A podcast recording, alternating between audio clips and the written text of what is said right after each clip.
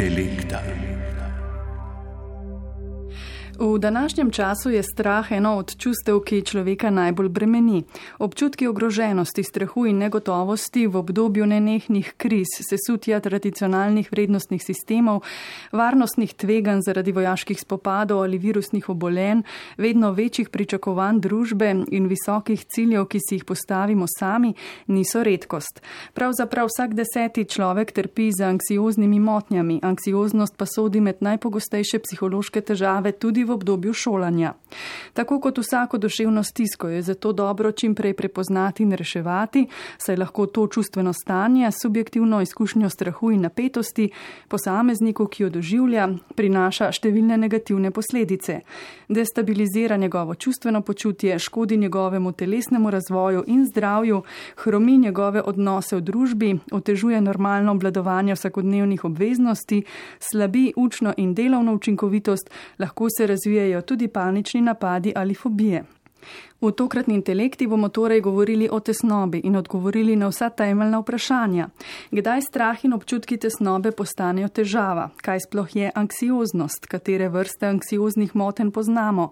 Zakaj do te motnje prihaja? Se pri otrocih in mladih kaže drugače kot pri odraslih? Kakšni so simptomi? Kako lahko pomagamo posamezniku, ki jo občuti?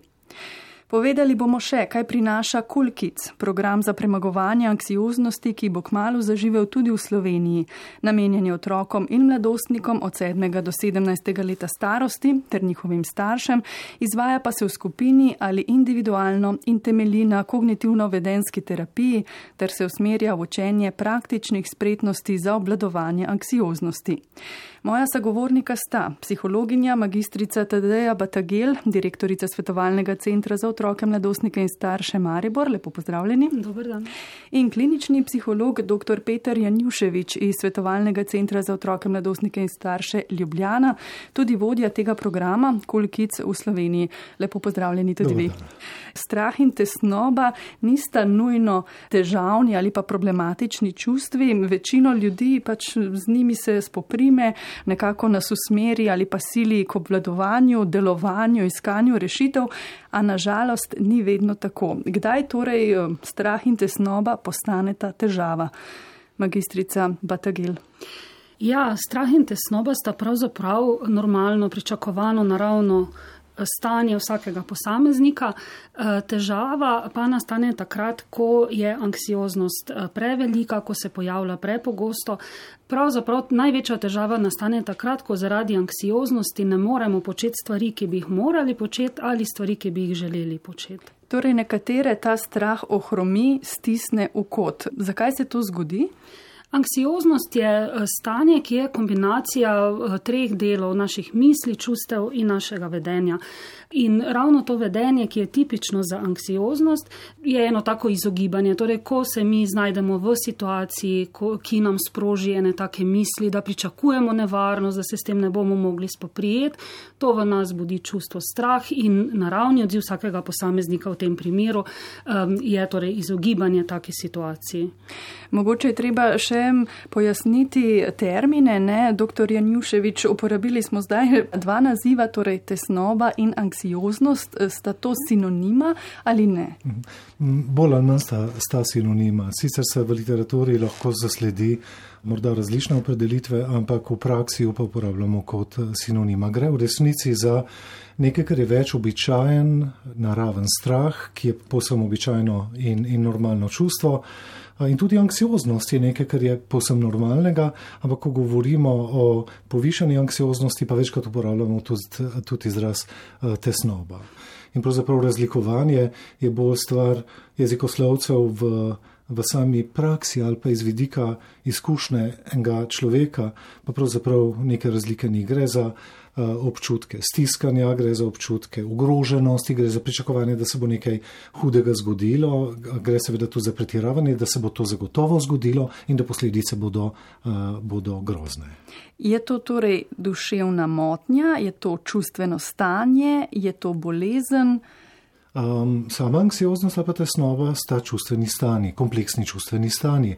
O motnji govorimo takrat, kadar ta anksioznost ni v skladu s tem, kar pravzaprav izhaja iz same situacije, da gre za pretiravanje, kadar je funkcioniranje posameznikov nemogočeno, takrat pa že govorimo lahko, kadar to traja dovolj dolgo časa, da gre tudi za anksiozno motnjo. Se pravi, da je anksioznost prisotna v tako velike, velike intenzivnosti, toliko časa traja, vpliva na toliko področji posameznikovega funkcioniranja, da je njegovo delovanje pomembno oteženo. Takrat govorimo pa o anksiozni motnji oziroma anksioznih motnjah, ker jih obstaja več vrst. No in ravno to bi bilo moje naslednje vprašanje. Katere vrste vse anksioznih moten poznamo, torej te oblike anksioznosti, ki ustrajajo in ki niso več dobre za uh, posameznika? Morda je dobro, če na to pogledamo iz razvojnega vidika, iz tega vidika, kako pravzaprav gre, gre v razvoju od, od eh, malega otroka, predšolskega otroka, šolarja, srednješolca, mladostnika, mladostnice. Nekako uh, v zgodnejšem otroštvu, tam v, v, tudi v predšolskem, pa v začetnem šolskem obdobju najpogosteje srečamo kakšne specifične fobije. Uh, pozabil sem na separacijsko tesnobo, separacijsko anksioznost, ker gre predvsem za strah pred ločitvijo od čustveno pomembnih oseb, Ti otroci pogosto poročajo o tem, oziroma njihovi starši, da se težko ločijo od njih, da nočejo sami zaspati, da se bojijo, da se bo staršem kaj zgodilo. Potem, kasneje v razvoju, ko sem že omenil, so pogoste ali pa najbolj pogoste specifične fobije, fobije pred določenimi predmeti, dogodki, ljudmi, živalmi. situacijami, živalmi. Ne? Recimo, ene take klasične, pa zelo pogoste specifične fobije so fobije pred zobozdravnikom, pred jemanjem krvi, pred samo krvjo ki ponavadi sledijo kakšnim neugodnim izkušnjam, ni pa seveda eh, nujno, gre lahko tudi za modelno učenje strani drugih. Potem pa pravzaprav od nekje od srednjega otroštva in začetka adolescence pa pravzaprav govorimo o anksioznih motnjah, kot je socialna anksioznost, eh, strah pred vrednotenjem strani drugih, pred tem, da bi se osramotili, da bi nas drugi sodili in tako naprej. Potem je tu generalizirana anksiozna motnja, ki pravzaprav je na nek način strah pred skoraj vsem. Zaskrbljenost glede, glede vsega. Tu otrokom in mladostnikom v resnici ne zmanjka snovi. Pa odraslim najbrž tudi ne. Pa odraslim tudi ne. No in ti dve, socialna anksioznost, predvsem pa generalizirana anksiozna motna, kasneje pa tudi panična motna, so pa v resnici značilni tako za mladostnike, kot kasneje tudi, tudi uh, odrasle. Torej so te vrste vsaj deloma odvisne tudi od starosti so, posameznika. So. Pojavnost teh uh mhm. -huh. različnih vrst je odvisna uh, v veliki meri od starosti, opažamo pa, da pa to precej neodvisno od spola. Sicer je nekoliko več deklic, ki, uh, ki razvijajo anksiozno motnjo, uh, ampak je zelo različno od ene do druge, do druge motne pozabu sem morda omenil še obsesivno kompulzivno mm. motnjo, ki tehnično nekako več ne spada med anksiozne motnje, je pa anksioznost, doživljanje tesnobe, napetosti, je v resnici eden osnovnih označevalcev te motnje in jo še vedno štejemo. In konec koncev tudi terapevtsko svetovalno pristopamo na podoben način kot pri ostalih anksioznih motnjah. Kaj pa posttraumatska stresna motnja? Tudi ta. Mhm ki ima pa nekoliko uh, drugačno sliko, predvsem v smislu nastanka. Uh, običajno nastane po ogrožujočem dogodku, ko pravzaprav je integriteta, telesno zdravje, varnost posameznika uh, hudo ogrožena, saj tako posameznik zazna.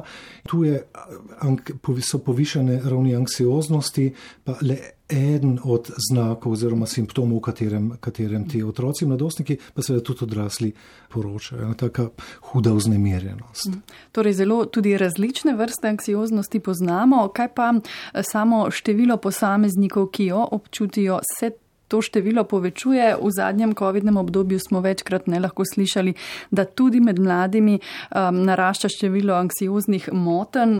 Na to vprašanje je v resnici težko nam odgovoriti. Razlog je predvsem v tem, da so naše čakalne vrste vse čas polne in pravzaprav naša kapaciteta je vse čas povsem zapolnjena. Mi sprememo in, in obravnavamo toliko otrok in mladostnikov, kolikor seveda zmoremo. Ena taka čisto klinična opažanja so, da se uh, število otrok ne bo, ne bom, in mladostnikov, pa ne bom govoril samo o anksioznih motnjah, ker morda ni toliko pomembno, da nekdo izpolnjuje diagnostične kriterije za neko motnjo, ampak je bolj v resnici pomembno, koliko posameznik zaradi tega trpi. Lahko, ne vem, en otrok izkazuje ravni anksioznosti, ki morda ne izpolnjuje nekih kriterijev, pa zaradi njih ravno tako trpi in ne more funkcionirati v skladu z nekimi svojimi potencijali. Če se vrnem na vaše vprašanje, s kolegico sva, sva prej debatirala.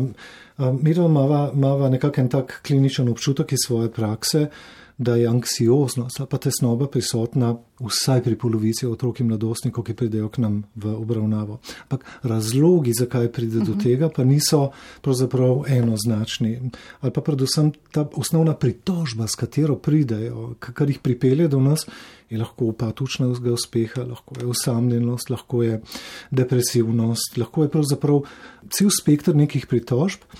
In pogosto opažamo v praksi to, ker nekako je znano empirično dejstvo, da v populaciji otrok in mladostnikov je sopojavnost pravilo, ne izjema. In pogosto ob tisti osnovni pritožbi, zaradi katere otrok mladostnik pride v obravnavo, potem ugotovimo, da gre tudi za precej intenzivne težave tudi na področju anksioznosti. Torej, pridruženo v bistvu stanje. Ja, ali je to primarno, ali pa se je kasneje, kasneje razvilo.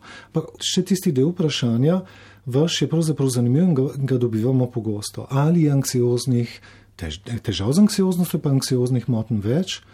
Da, ampak ne a, samo povezano z pandemijo. V resnici epidemiološke študije opažajo že 20 let, 25 let, da se število otrok in mladostnikov, ki imajo pomembno raven izraženosti anksioznosti, se ustrajno povečuje iz, iz, skoraj iz leta, leta v leto. Pa najbrž tudi pri odraslih ali ne? Tudi pri odraslih, meni osebno, uh -huh. ker delam s populacijo otrok in mladostnikov, je ta podatek uh, ni toliko zelo, zelo natančno znan, ampak da velja tudi velja za celo populacijo. Zakaj torej sploh pride do anksioznosti? Ne? Kaj sproži to občutenje tesnobe, zakaj se razvije? Se s tem rodimo ali to razvijemo, gospod Batagel? Ja, pravzaprav oboje. Opažamo, da je ena skupina otrok, mladostnikov, tudi odraslih ljudi, ki razvije ali pa ki, pri kateri se anksioznost izraža kot posledica nekega stresnega dogodka. Eh, vendar jaz menim, da je to pravzaprav manjši delež v populaciji. Večinoma pa so to otroci in mladostniki, ki so se rodili že z nekoliko večjo občutljivostjo na tem področju. Eh, in potem tukaj govorimo tudi v tej kombinaciji seveda za genetiko, ti otroci otroci so se rodili tudi staršem, ki so zelo verjetno bolj občutljivi eh, in potem, tako kot je prej dr. Njuševič že omenil, tudi po principih modelnega učenja ti otroci prenašajo in se naučijo reagiranja na neke stresne situacije, na nepredvidene dogodke, torej predvsem z izogibanjem oziroma z nekimi drugimi značilnimi vedenskimi vzorci. Pa otrok doživlja anksioznost drugače kot odrasli. Jaz menim, da pravzaprav ne, da to doživljanje anksioznosti je zelo uh, podobno, ne glede na to, koliko smo stari in koliko izkušenj imamo. Um, gre za to, da se v nas zbudi ena taka močna tesnoba, ki izhaja iz tega pričakovanja um, neke nevarnosti, precenjevanja te nevarnosti in potem je naš naravni odziv, da se temu skušamo izogniti in to ne glede na to, uh, pravzaprav koliko smo stari. Ja, Morda je razlika, ko gledamo sliko anksioznega otroka ali pa sliko anksioznega mladostnika ali pa odraslega, predvsem v tem, koliko, kako natančno lahko pravzaprav poročajo. Mm. Medtem, ko odrasli lahko verbaliziramo, besedno izrazimo tisto, kar doživljamo, ob tem ni nujno, da, da, je, da so naše misli, dojemanje situacije, da so natančne, lahko so pravzaprav zelo izkrivljene, če smo anksiozni, ampak lahko z več besedami upišemo in pravzaprav imamo tudi zaradi izkušenj, pa neke, recimo, temu psihološke zrelosti, tudi običajno večje sposobnosti in ga samo pomirjanja, poravnanja s situacijo. Medtem ko pa otrok je po definiciji odvisen od svojega uh, okolja, mlajši kot je, bolje odvisen od svojega okolja. In ima tudi, seveda, manj izkušenj z, z njemu zastrašujočimi situacijami, ki bi mu pravzaprav dale vedeti, da se je to morda zgodilo že v preteklosti, pa se je vendarle dobro izteklo. Nekaj ste zdaj že omenili, ampak torej, kakšne misli, kakšno razmišljanje, doživljanje so značilni za anksioznost? Ne, marsikdo bi rekel tako na prvo žogo, da gre za pretiravanje, dramatiziranje, da nekdo iz muhe dela slona, ampak najbrž eh, na to ne more vplivati. Ne? Mhm. Da so vplivati, ker to je pravzaprav osnova tega, kar, kar delamo. Ampak o tem, kar ste rekli, da pretiravajo, da iz muhe, iz muhe delajo slona, Na nek način je to res. Ne? Gre za pretiravanje, gre za katastrofiziranje, ampak ne v tem negativnem smislu, ko reče, kot re, v smislu nekega minimaliziranja in diskvalificiranja, pa se, da bi rekel to otroku, vse tvoje doživljanje ni pomembno. Ampak tisto, kar opažamo, pa dejansko je da, da eh, je pri eh, razmišljanju, potem miselnem svetu anksioznih otrok in mladostnikov, pa konec koncev tudi odraslih, je nekaj značilnih miselnih napak, ki jih počnejo. To je predvidevanje, da se bo zgodilo nekaj groznega. In to njihovo predvidevanje, da se bo zgodilo nekaj groznega, je pravzaprav pripeljano tako skrajno, da so pripričani, da je to edini možni izid. In še drugi del te neugodne formule je ta, da si predstavljajo, da bodo tudi posledice tega, kar se bo zgodilo, grozne, da se ne bodo mogli soočati, da nimajo nobene moči, nobene, nobene strategije, da bi situacijo obvladali. Če se postavimo njihovo kožo ali pa njihovo, v tem primeru, glavo, je ta kombinacija zelo neugodna. Res in otrok res to doživlja in je res v stiski, ne, ne glede je, na to, kaj mislimo odrasli ali pa drugi. Ne? Točno. In je v resnici pot od takega razmišljanja do doživljanja anksioznosti popolnoma logična. Zanimivo je tudi mogoče ta izkušnja, ki jo imamo iz naših kliničnih praks, da ko se z otrokom, z mladostnikom eh, po nekem dogodku, po nekem takem stanju večje anksioznosti pogovarjamo, on prepoznava iracionalnost svojih misli. On razume, da je bilo to pretiravanje, da je bil pretiran strah, ampak v samem trenutku, ko se ta negativna misel pojavi, ji pa otrok, mladostnik ali odrasli stoprocentno verjame. In to je tisto, kar sproži tesnobo. In se niti ne vpraša, je kakšna druga možna Tako. razlaga. Ne? Se to vzame kot suho zlato in se v skladu s tem seveda, eh, seveda reagira. Potem se pa temu pridruži še selektivna pozornost, da postanejo pozorni samo na te ogrožujoče vidike situacije in je krok na nek način sklenjen. sklenjen. Manjka morda samo še izogibanje. Uh mhm. -huh. In potem prepričanje, ko pridejo v iz situacije, ki se v resnici izognejo je lahko zaključek, oh, samo zato sem preživel, ker sem se uspešno izognil, ne ker sem se uspešno soočil. O rešitvi iz tega začaranega kroga bomo še govorili, ampak mogoče še to vprašanje. Zdaj smo govorili o razmišljanju, načinu razmišljanja, ki je značilno za anksioznost oziroma za ljudi, ki nekako to občutijo. Ali se spremeni tudi njihovo vedenje in samo telesno počutje? Ne? Pride lahko do res tudi fizičnih um, sprememb. Ne? Ja, absolutno. Um, kot sem že prej omenila, pri anksioznosti gre za splet teh različnih področji.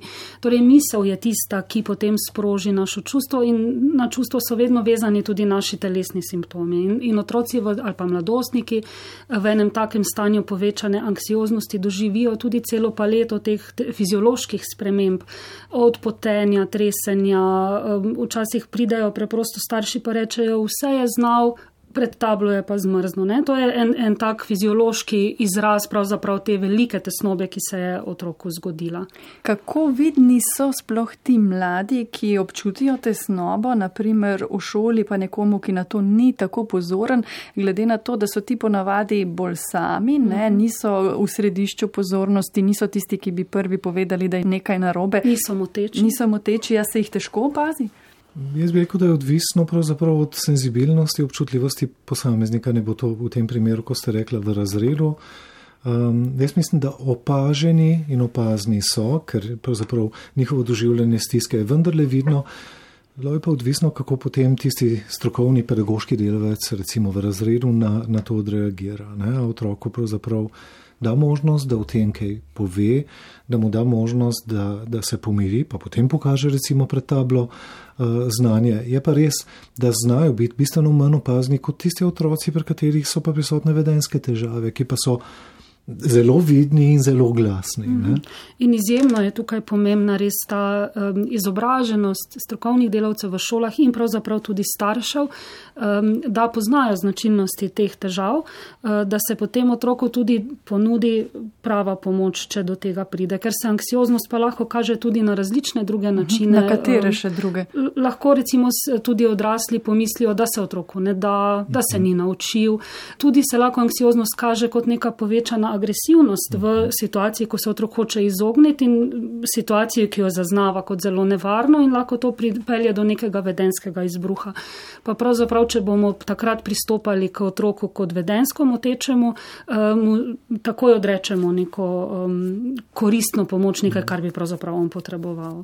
Ali pa morda še dva vidika reagiranja. En je ta čisto telesni, da otrok pogosto toži uh -huh. zaradi bolečin v trebuhu, glavobolov, slabosti in uh, se zato morda s temi nekako pritožbami uspe izogniti uh -huh. nekim za njega prezahtevnim situacijam.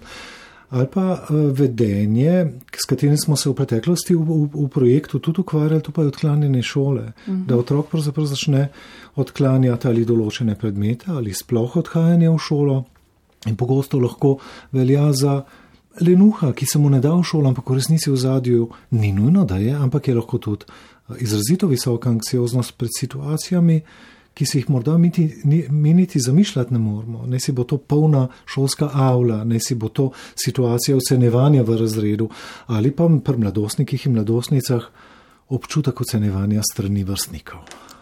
Anksioznost je torej nekako težava sodobnega časa, ne, ki jo je treba posebej nasloviti, tako mislite vi na svetovalnih centrih, pa tudi Ministrstvo za zdravje, ki program Cool Kids eh, financira.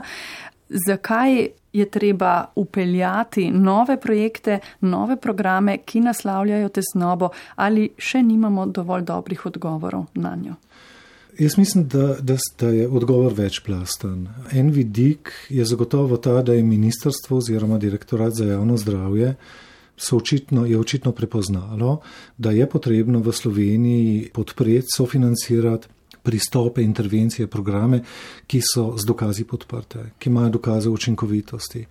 To je bil tudi naš osnovni namen, da smo v naš prostor pripeljali program, ki je strukturiran, ciljno usmerjen, predvsem na otroke s čustvenimi torej anksioznimi težavami, da bi pravzaprav z, z tem pilotnim uvajanjem, ki smo ga izvedli doslej, uspeli v Slovenijo v čim širši prostor pripeljati takšen program in omogočiti v resnici to, da bi čim več otrok imeli dostop do njega. To je tudi naš načrt, iti seveda s tem programom tudi kasneje ob finančni podpori, upamo seveda tudi v prihodnosti strani ministrstev v šolski prostor, da bi otroci dobili to pomoč čim bliže pravzaprav tistemu okolju, v katerem največ časa izven doma seveda preživijo. To je šolski prostor. In s tem zagotovimo še en drug vidik, ki se nam zdi strašno pomemben, Program je strukturiran, vsebina je jasno določena, potek je jasno nekako predviden in s tem zagotovimo, da vsi otroci, ne glede na to, ali je to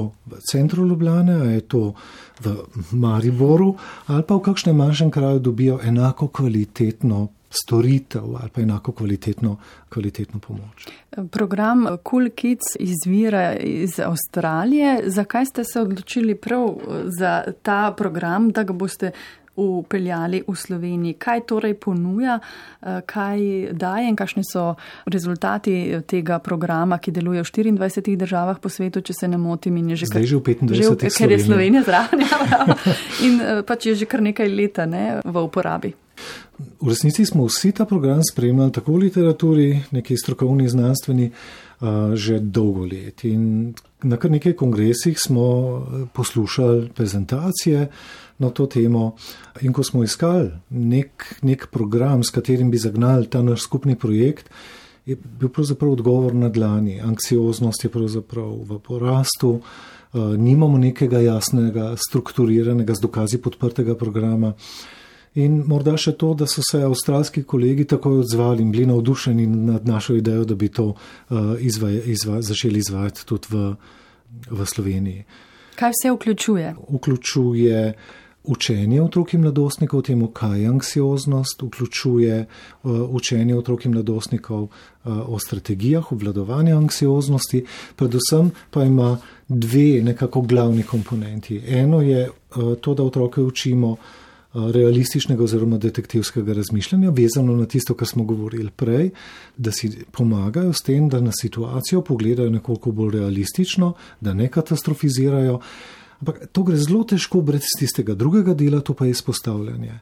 Vse raziskave kažejo, da je v resnici izpostavljanje temeljna veščina ali pa temeljna dejavnost vseh teh programov, ki prinese največji napredek in v resnici na ta način otrok dobi, ko se izpostavlja prej eh, situacijam, ki se jih je prej izrazito bal, pravzaprav dobiva nove informacije, ki nadomeščajo tiste stare, anksiozne, ko pravzaprav vidi, da zmore, da se lahko sooči in da na koncu ni več tako, da anksioznost obvladuje njega, ampak on obvladuje anksioznost. Torej ne beg, ampak boj. Točno tako, to je ključno, to je bistveni del.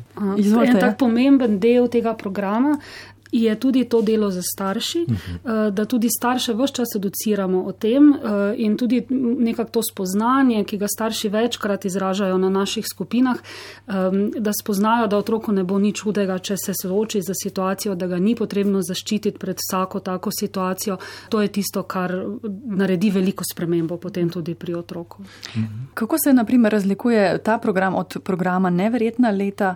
Eh, najbrž prav to, da je usmerjen v prav določeno eno čustveno stanje oziroma motnjo. Vi imate licenco za oba programa, tako ne? Je, ja, Razlika je. Ja, ja. Jaz izvajam oba programa, tako neverjetna leta za starše predšolskih otrok kot Kulkic program.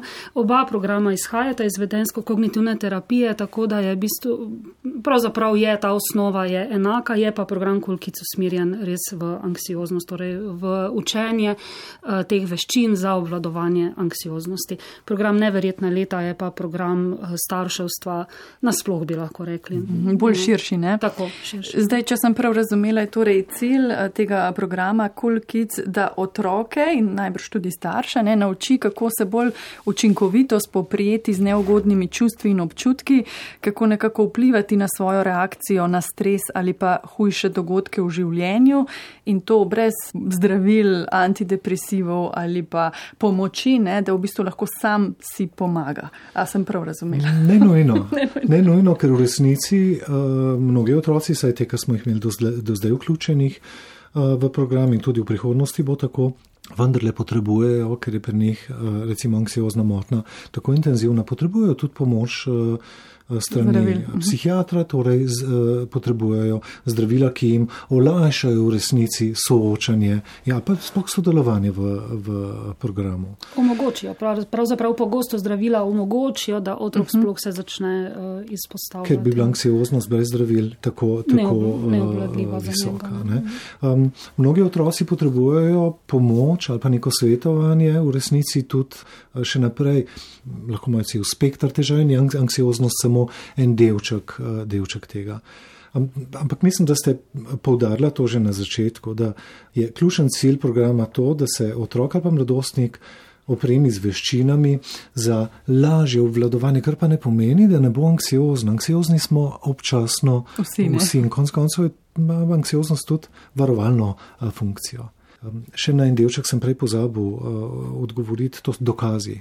Ja, program je pravzaprav bil preverjen v, v študijah, v resnici zdaj že na kar več tisočih otrocih in izkazalo se je, da pravzaprav je izjemno učinkovit. Nekako ob zaključku programa več kot polovica otrok in mladostnikov, ki je na začetku imela anks, diagnozo anksiozna motna, te diagnoze nima več. In eno leto po zaključku programa, ko pravzaprav vidimo, da efekti nekako se še nadgrajujejo, ali pa poglabljajo pozitivni efekti, je teh otrok in mladostnikov že tri četrtine. In enako v resnici smo opažali tudi v mhm. naših uh, teh, teh evalvacijah, ko smo v primerjavi z začetkom, ob koncu programa, pa še tri mesece kasneje, ko smo ponovno preverjali funkcioniranje otrok, ki so se udeležili programa, gotavljali neizmerno pozitivne, pozitivne efekte. Pa morda je pomembno tudi to, da bo program tu strani otrok, mladostnikov in staršev sprejet kot, kot nekaj zelo pozitivnega, v resnici prijetnega, nič posebej napornega,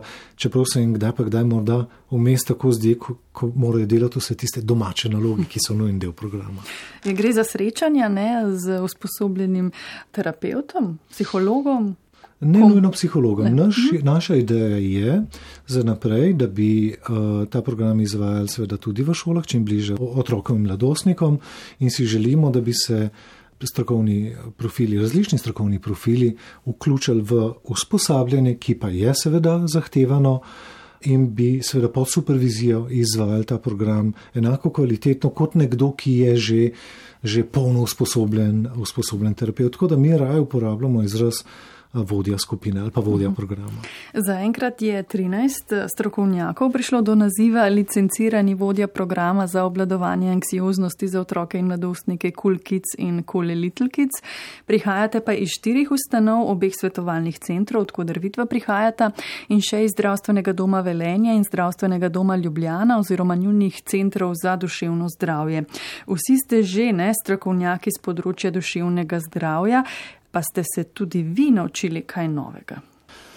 Ja, morda je ta, ta, ta vidik zelo pomemben, ta rutinska evalvacija, da pravzaprav resno evalviramo s pomočjo lestvic, vprašalnikov, povratne informacije strani otrok, mladostnikov in staršev, resno evalviramo efekte našega dela. To sicer počnemo, vse čas, ampak ne v taki organizirani obliki. Pa morda še to, da. Uh, mi prvič, morda uh, ti tadeja v neverjetnih letih že imaš izkušnjo, ampak prvič uh, izvajamo to vrstno terapijo na tak strukturiran, jasno razmejen način, kot, kot jo izvajamo, izvajamo. Zdaj prej je seveda vsaka obravnava, vsaka terapija bila individualizirana, prilagojena posameznemu otroku, zdaj pa pravzaprav to izvajamo v zelo strukturirani uh, obliki. Pa še tudi, kar je še ta program uh, prinesel. Eh, je to, da smo prvič zdaj, ali pa ja, bom rekla, prvič dobili v Sloveniji res kvalitetna gradiva v slovenskem jeziku. Eh, prej smo si tudi pri terapijah pomagali s tujo literaturo, s tujimi um, listi, delovnimi listi, ki smo si jih prevajali v slovenščino, zdaj pa to obstaja. Hmm um, tudi v slovenščini. Ja. Koliko otrok je že uh, bilo udeleženih in njihovih staršev ne, uh, v tem pilotnem delu projekta? Ja. Doslej 91 nekaj je uh. -huh. še vključenih oziroma bodo zdaj v začetku šolskega leta. Zelo se nekako ravnamo po počitnicah, zato ker ne, ne prekinjamo mest programa, ampak 91 jih je vstopilo, jih je pa tudi izpadlo. Mi smo pričakovali in tudi napovedali nekako tam 25 odstotni izpad iz programa, ampak v resnici resnici smo se lahko kar pohvalimo, uh, izpad na koncu je bil okrog 12-13 odstotkov, kar je pravzaprav tudi v primerjavi z ostalimi uh, takimi uvajanji novih programov. Je so zelo dobre številke. Pa je o, ta program ali pa bo ne, v nadaljevanju dostopen vsakomor ali samo tistemu, ki je že nekako upet oziroma vključen v vaše programe, v vaše centre. Ker eh, to je kar pomembno, ne? ljudje, da pridejo sploh do vas, čakajo več mesecev, ne? otroci tudi po leto ali več. Eh, vemo pa, da je ob takih stiskah eh, vredno pomagati čim prej. Ne? Absolutno, to je bil tudi naš osnovni cilj. Nismo še blizu temu cilju, zagotovo, ampak mi gremo naprej v, v, v dveh smerih. Ena smer je, da bomo razširili na, nabor Cool Kids programov še na dve različici. Ena je za starše predšolskih otrok, eh, kjer se dela samo starši, brez otrok, eh, in pa druga je za otroke z motnjami avtističnega spektra, za katero obstaja en ločen program. To je en del.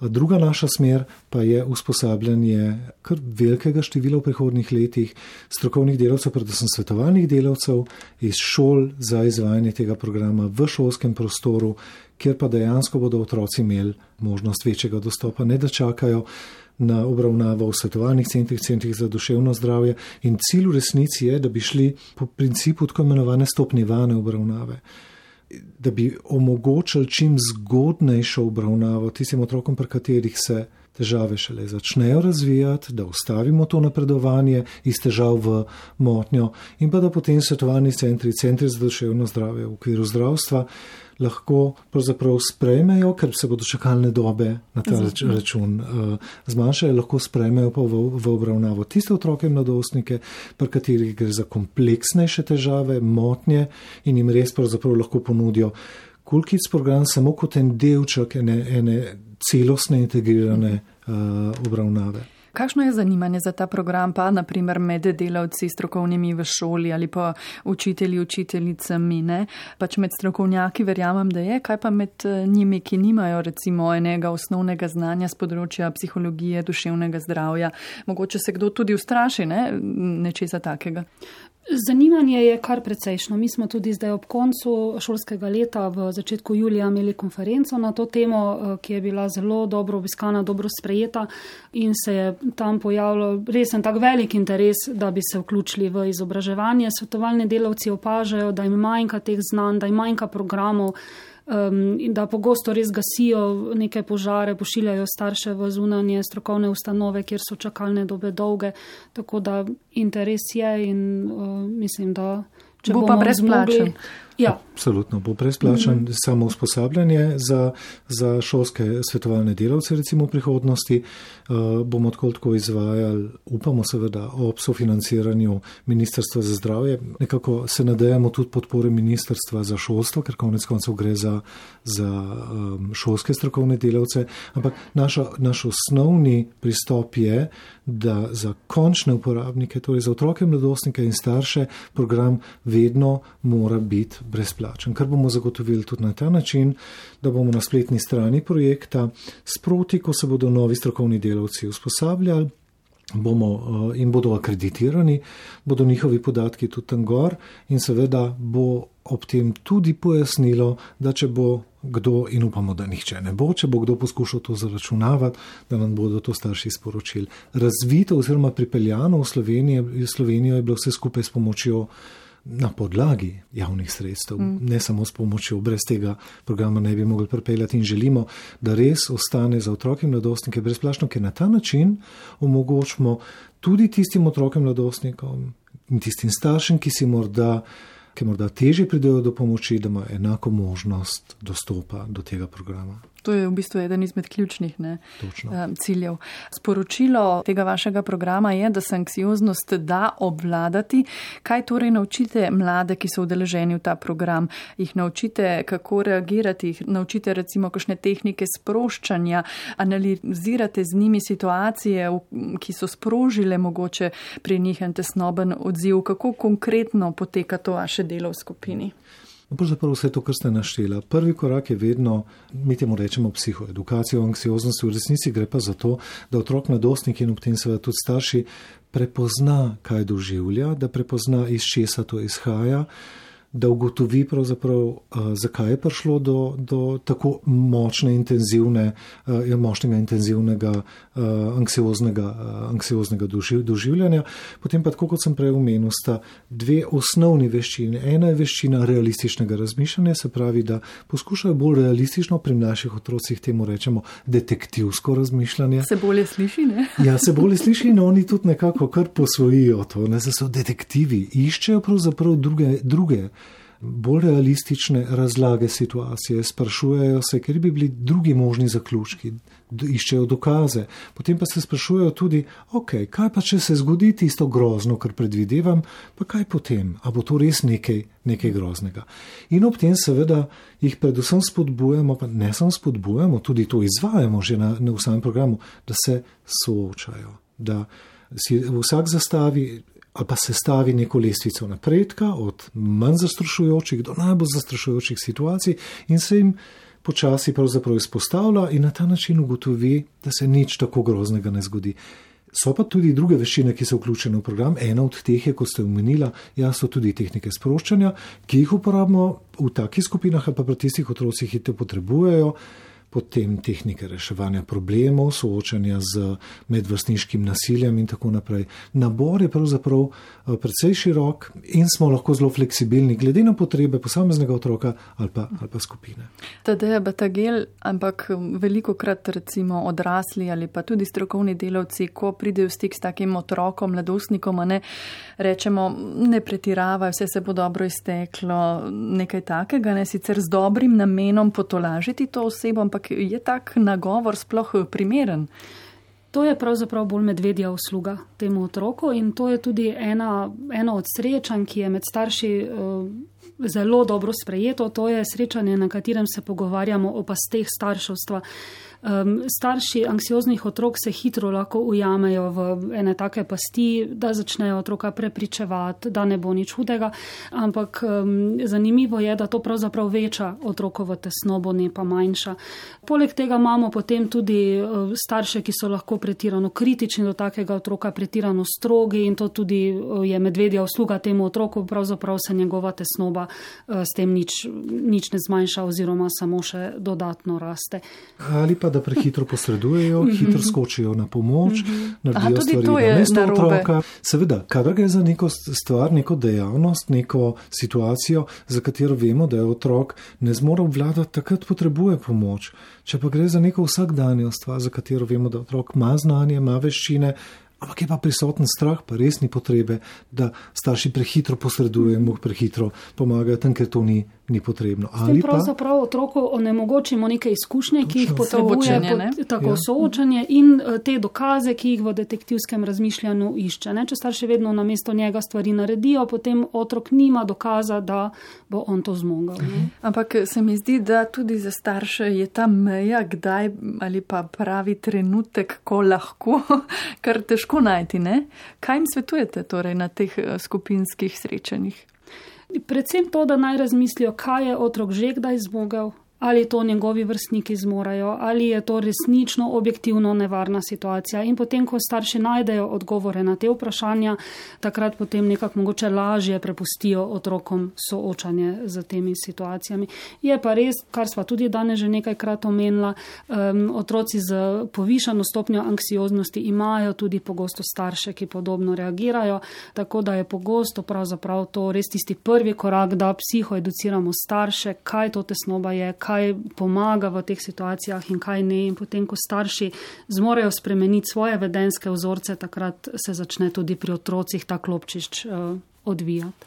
V bistvu dve muhi nam en mah naslavljate skoraj, ne? potem pridete tudi do njihovih staršev, pa je potem najbrž delo tudi bolj učinkovito, ne? ravno zaradi teh povezav. Um, zakaj je potrebno že, ko nekdo občuti tesnobo v teh začetnih letih svojega življenja, takrat že naslavljati to težavo? Mhm. Kaj se zgodi, če ne?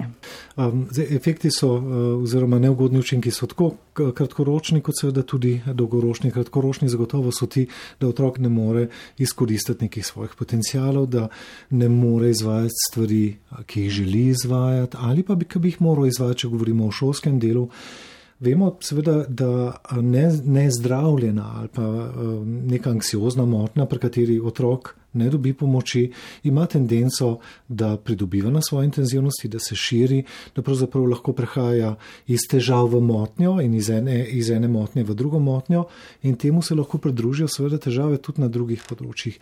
Vemo pa tudi, da dolgoročno pa otroci in mladostniki z anksiozno motnjo, ki niso dobili ustrezne pomoči, lahko kasneje razvijajo tudi druge motnje, kot je depresivna motnja, pri njih je pogosteje kasneje v pozni adolescenci in v odraslosti zaslediti tudi več zlorabe drog, alkohola.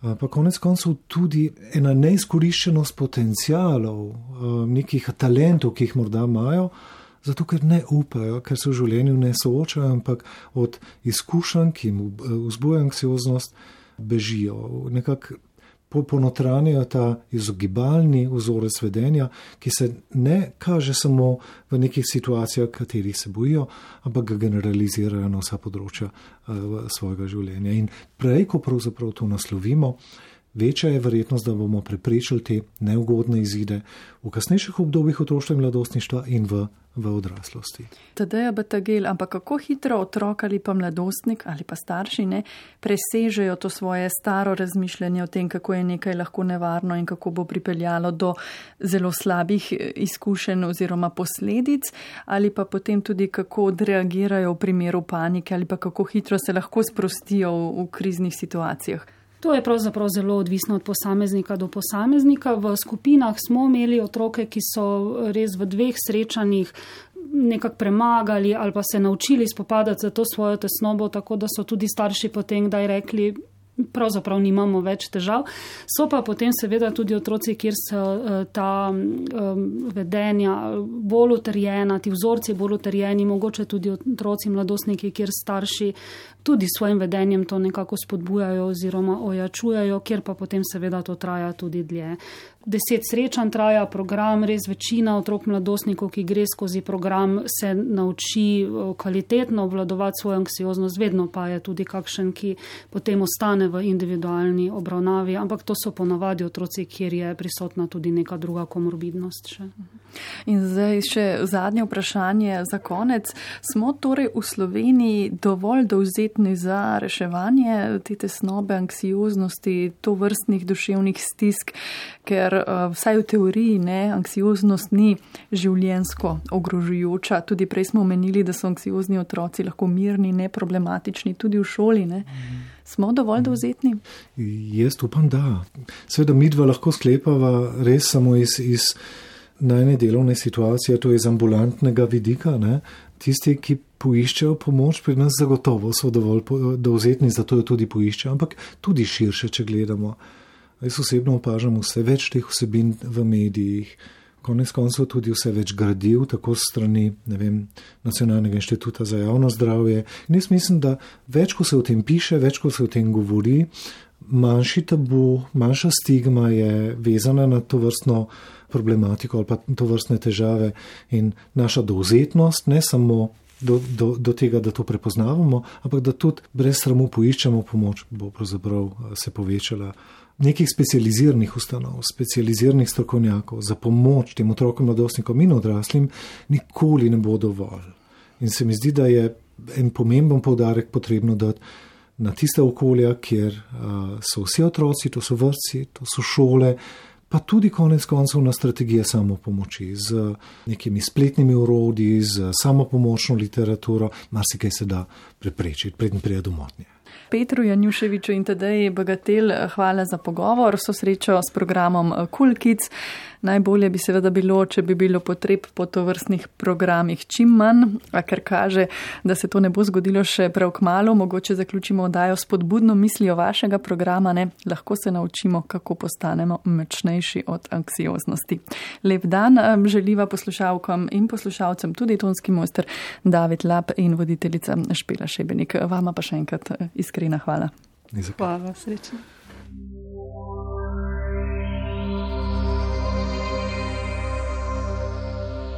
Intelekta.